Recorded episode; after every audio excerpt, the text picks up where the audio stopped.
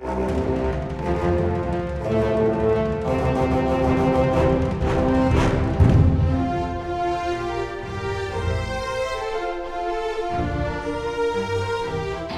til Frankrike forklart, en podkast der du får svar på alt du lurer på om Frankrike. Mitt navn er Geir Uvsløk. Og mitt navn er Frank Urban. I dagens Frankrike forklart skal vi snakke om en historisk hendelse som inntraff for nøyaktig 150 år siden, i tidsrommet 18. mars 28. mai 1871, som franskmenn egentlig vet lite om Paris-kommunen. Pariserene etablerte et revolusjonært folkestyre i hovedstaden mot den legale regjeringen som satt i Versailles, og som kollaborerte med Prøysen etter at krigen var tapt. Hva var Paris-kommunen? Hva har den betydd for franskmenn og resten av verden? Og hvordan snakker man om denne dramatiske perioden i dag? Dette er spørsmål vi drøfter sammen med ukens gjest, Svein Erling Lorås. Velkommen. Takk. Svein Erling er historiker og pensjonert universitetslektor i fransk områdekunnskap ved Universitetet i Oslo. Han har undervist i fransk kultur og samfunn i en årrekke, og har interessert seg særlig for Paris-kommunen og for begge verdenskriger, og i tillegg til veldig mye annet. Eh, jeg har vært så heldig at jeg har hatt Svein Erling som foreleser, eh, og det er noen av de forelesningene jeg har lært mest av mine mange år på universitetet. Og han har også blant annet skrevet en artikkel om Paris-kommunen i det norske tidsskriftet Arr, som jeg anbefaler alle å lese. Svein Erling, kan du begynne med å, ta, med å si litt om bakgrunnen for Paris-kommunen? Eh, altså, Begynte ikke det hele med det oppblåste egoet til en fransk keiser som var sikker på seier mot Prøysen? Jo, selvfølgelig gjorde det det, men han kom jo raskt ned på jorda i begynnelsen av september etter at han ble omrykket av prøyssene i Sudan og måtte kapitulere med sine tropper der. Som da utløste straks en reaksjon i Paris, men faktisk før Paris, både i Lyon og Marseille, hvor republikanerne proklamerte republikken på nytt, dvs. Si den tredje republikk. Kan jeg bare stille et spørsmål? Hvorfor ville han den krigen være slik at han prøvde å avlede oppmerksomheten, eller hva Ja, han var jo blitt mer og mer upopulær, og han mente jo da at en krig mot, en seier i krig mot prøysserne, eller mot tyskerne, som var i ferd med å samle seg, det ville gi regimet hans større prestisje. Så uforsiktig nok så erklærte han da krig mot prøsserne. Eh, mer eller mindre provosert fram av Bismarck. Ja, så Det er litt, av, litt uh, begynnelsen på den historiske bakgrunnen. og I tillegg til disse historiske omstendighetene, så uh, var de demografiske og geografiske aspektene viktige utløsende faktorer for Paris-kommunen. Kan du si noe om hvordan folk levde i Paris rundt 1870? Hvem var pariserne? Det var arbeidsfolk. Paris var arbeidets by. 70% levde av, av, av, sitt arbeid, enten i håndverk, handel eller industri. Dvs. Si da 30% som eh, kan si utgjorde da borgerskapet. Og dette var da en eh, nokså sammensatt arbeiderklasse pluss et småborgerskap. Og det var disse da som til slutt gikk sammen om å gjøre opprør den 18. mars. Eh, byen hadde også ganske nylig blitt utvidet med nye arrondissementer, og på 20 år så hadde da eh, befolkningen økt med det dobbelte. En annen ting som er viktig å huske, er at Napoleon 3. satte i gang med en voldsom bysanering, under, eh, som var ledet av baron Osman. Og det førte til at mye av den opprinnelige sentrumsbefolkningen ble skjøvet ut i periferien, opp på høydene. Og eh, en historiker som eh, Jacques Rougerie, som jeg eh, lener meg mye til, han sier at Paris kommunen er også det at pariserne, de opprinnelige pariserne, kommer ned fra høyden og tar tilbake sin egen by. Når de snakker om høyde hvilke, Ja, det er Belleville, Ménilmontant osv. Det altså, ja. Paris er jo omgitt av høyder eller åser, og det var dit arbeiderbefolkningen var blitt presset av denne bysaneringen.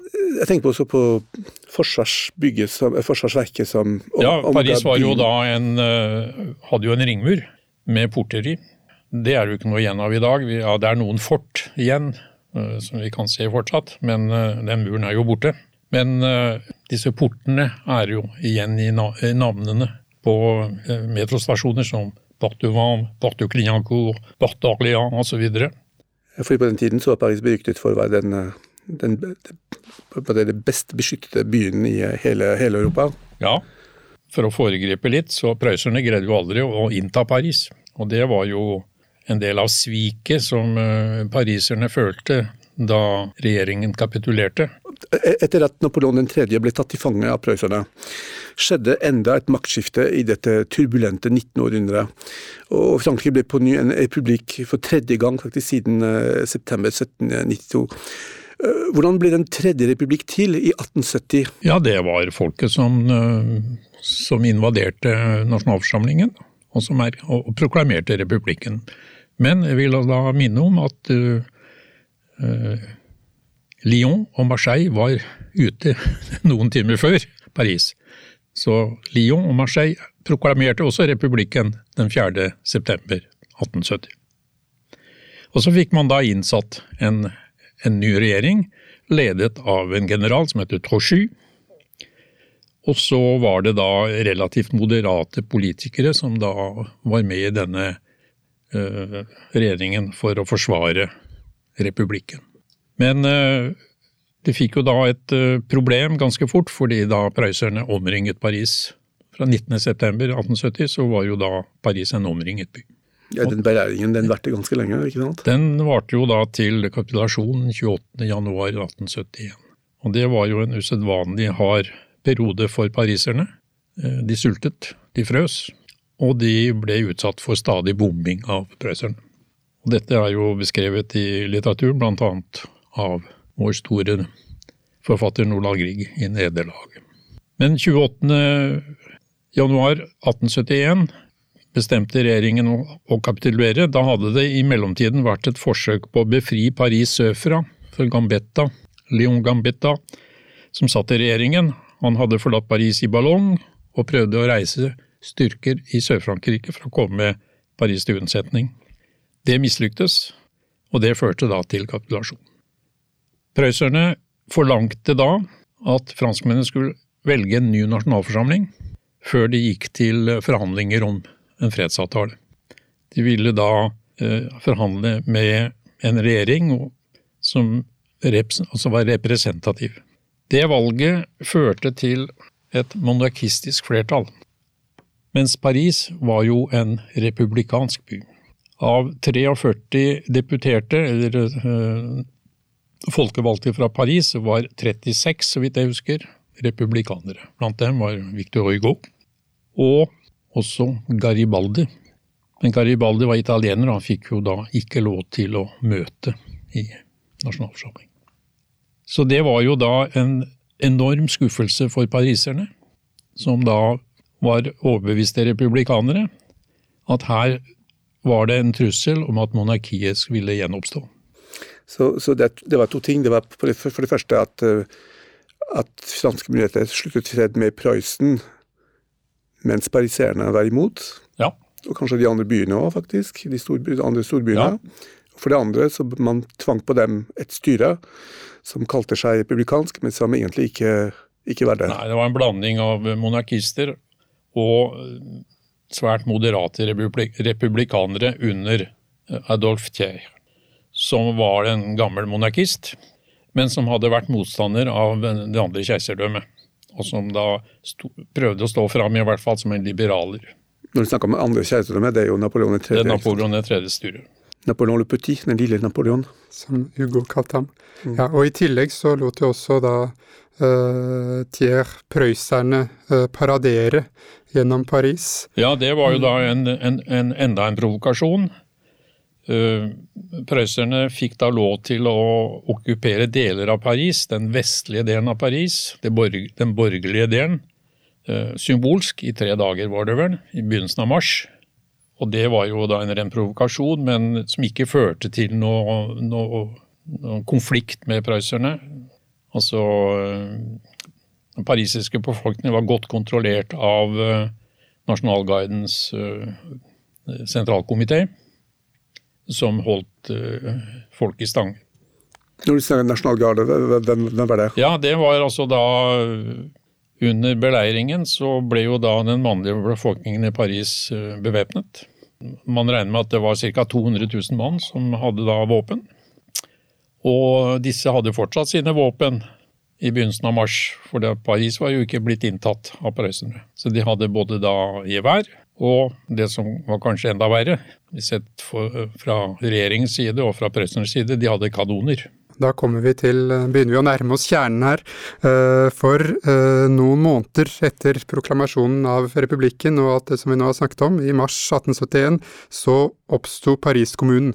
Kan du si litt om hvordan det skjedde, og hva som var de viktigste årsakene? Ja, altså jeg ser jo da på Paris-kommunen som først og fremst et patriotisk opprør.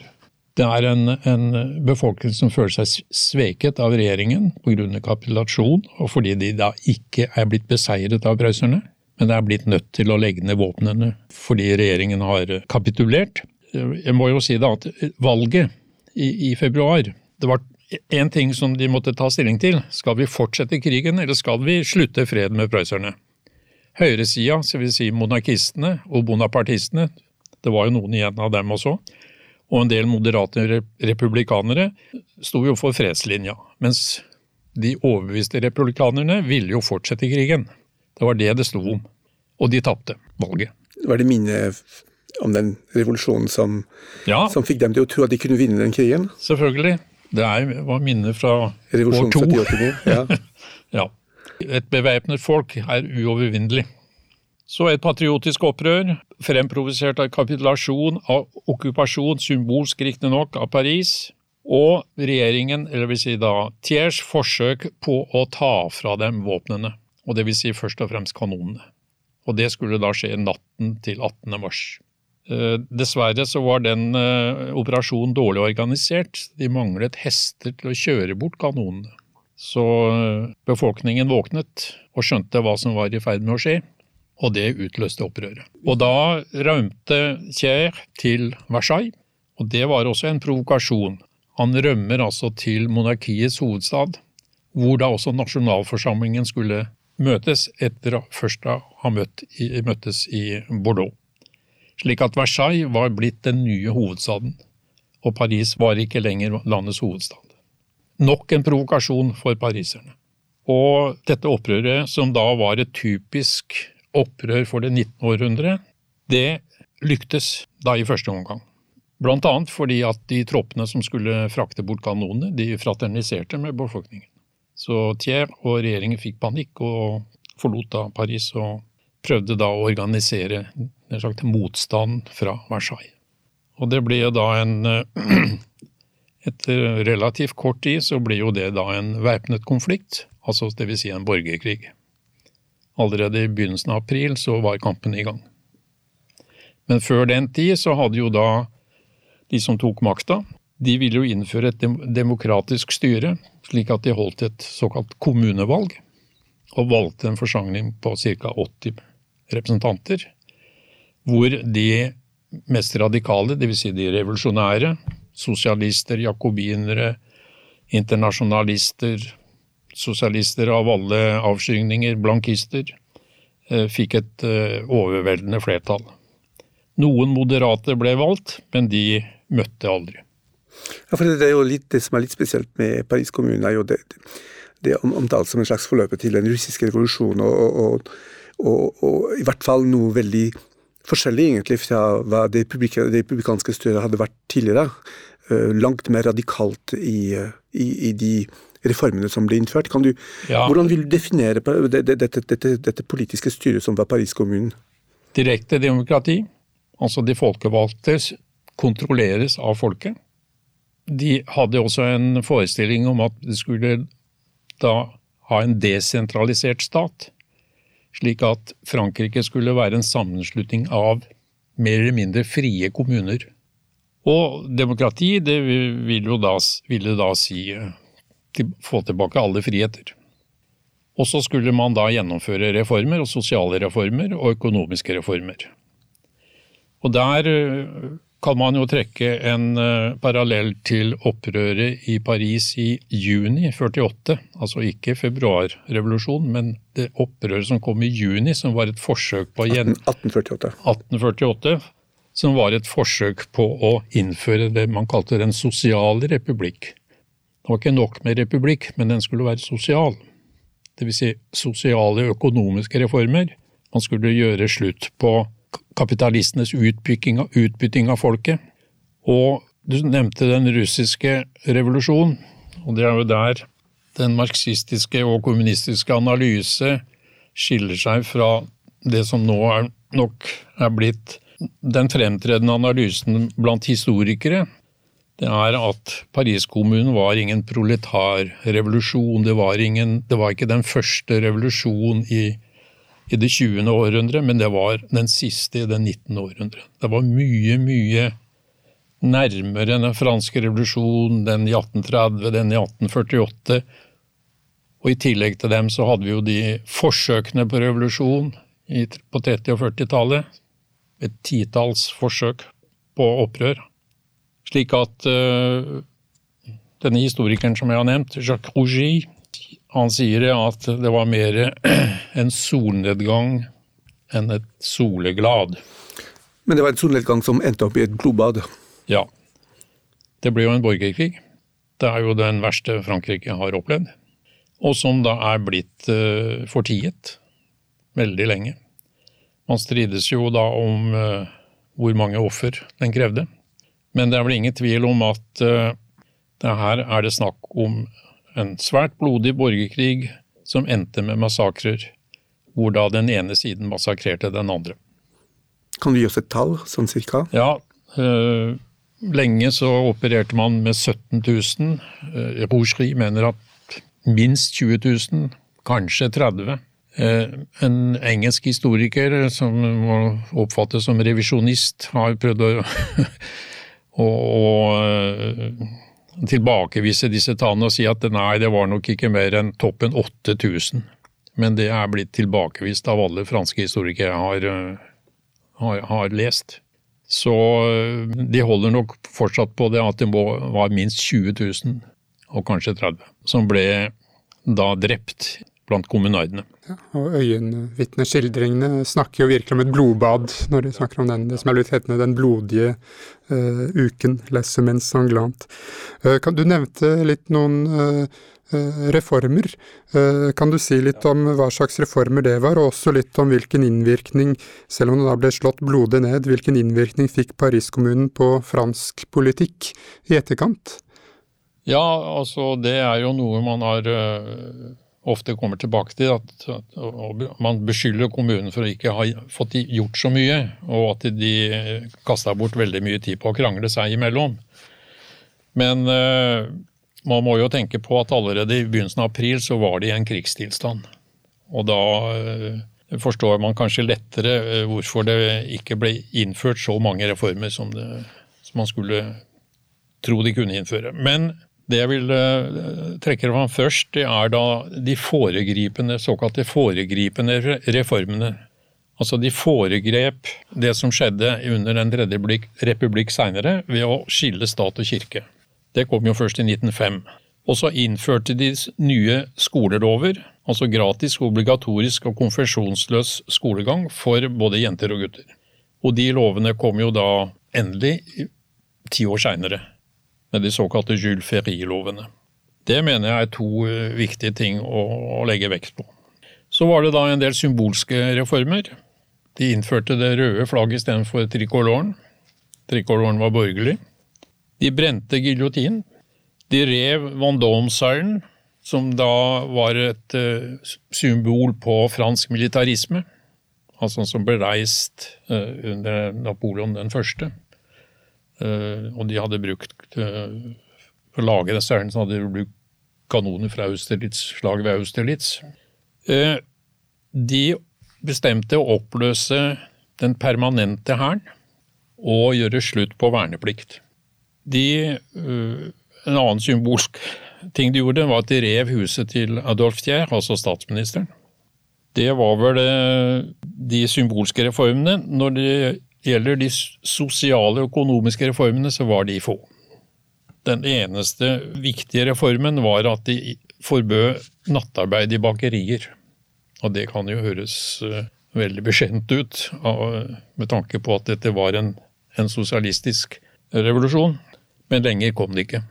En annen ting som var uh, interessant, det var at kategorien illegitime barn ble fjernet. Det var ikke noe som het det lenger.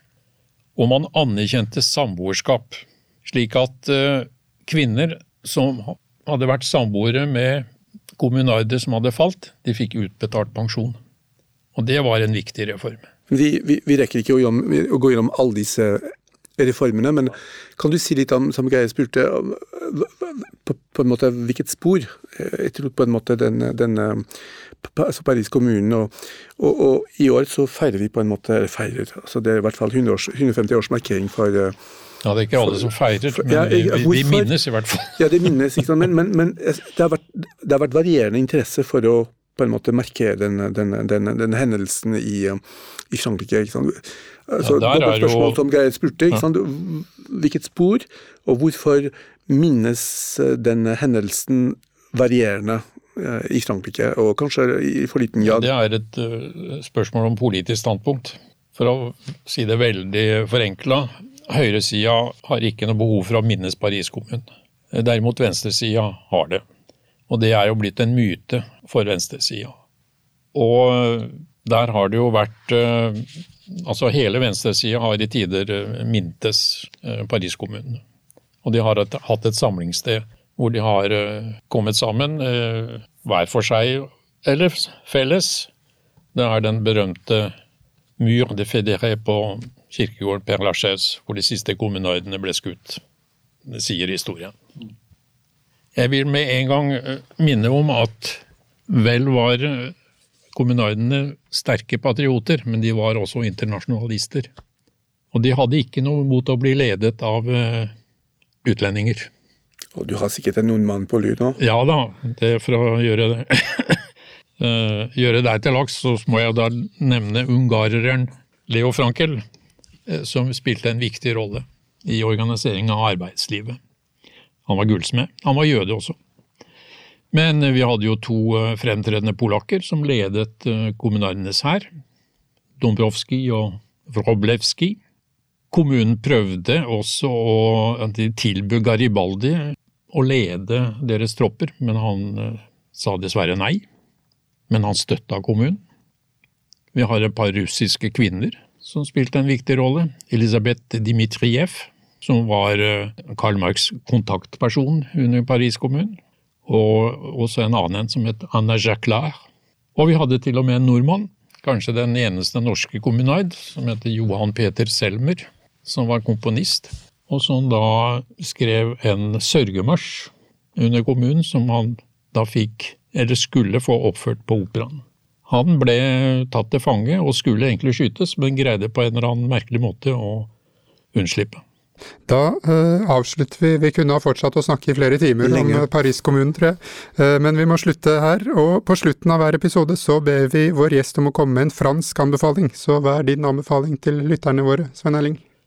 Ja, jeg vil jo anbefale en film som ligger ute på TV-kanalen Arte, som heter Le Danny de la Commune. Den fins i tysk og fransk versjon, dessverre ikke noen engelsk versjon.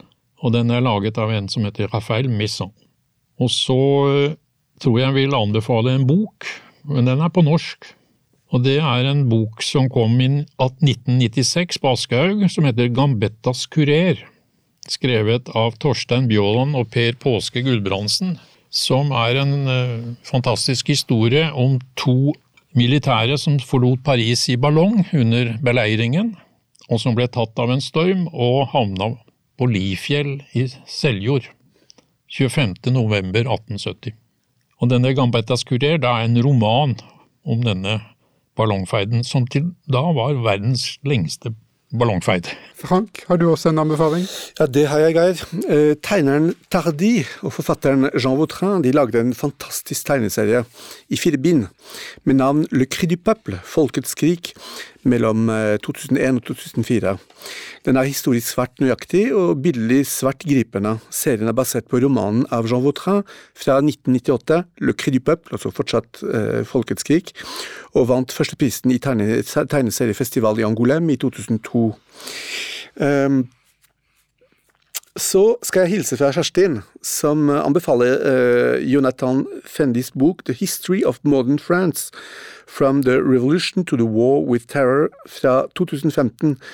Uh, den 500, 500 sider lange boka er en høyst leseverdig oppsummering av moderne fransk historie, der forfatteren også er innom Paris-kommunen. Ja, og Så anbefaler vi også, som nevnt i begynnelsen, Svein Erlings artikkel i tidsskriftet Arr.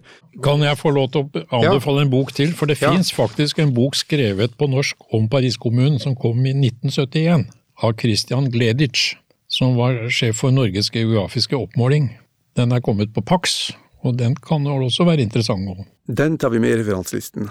Da gjenstår det bare å takke vår gjest Svein Erling Lorås, så høres vi igjen i neste episode av Frankrike forklart. Au revoir! Frankrike forklart er et samarbeid mellom Universitetet i Oslo og Høgskolen i Østfold. Podkasten er støttet av det norske universitetssenteret i Paris og Institut Francais i Oslo og har full redaksjonell frihet. Abonner på Frankrike forklart på iTunes, Spotify eller på andre plattformer der du lytter til podkast. Har du kommentarer til oss eller forslag til temaer vi bør ta opp, kan du sende inn det via vår Facebook-side Frankrike forklart. Her vil du også finne referansene som nevnes i dagens episode.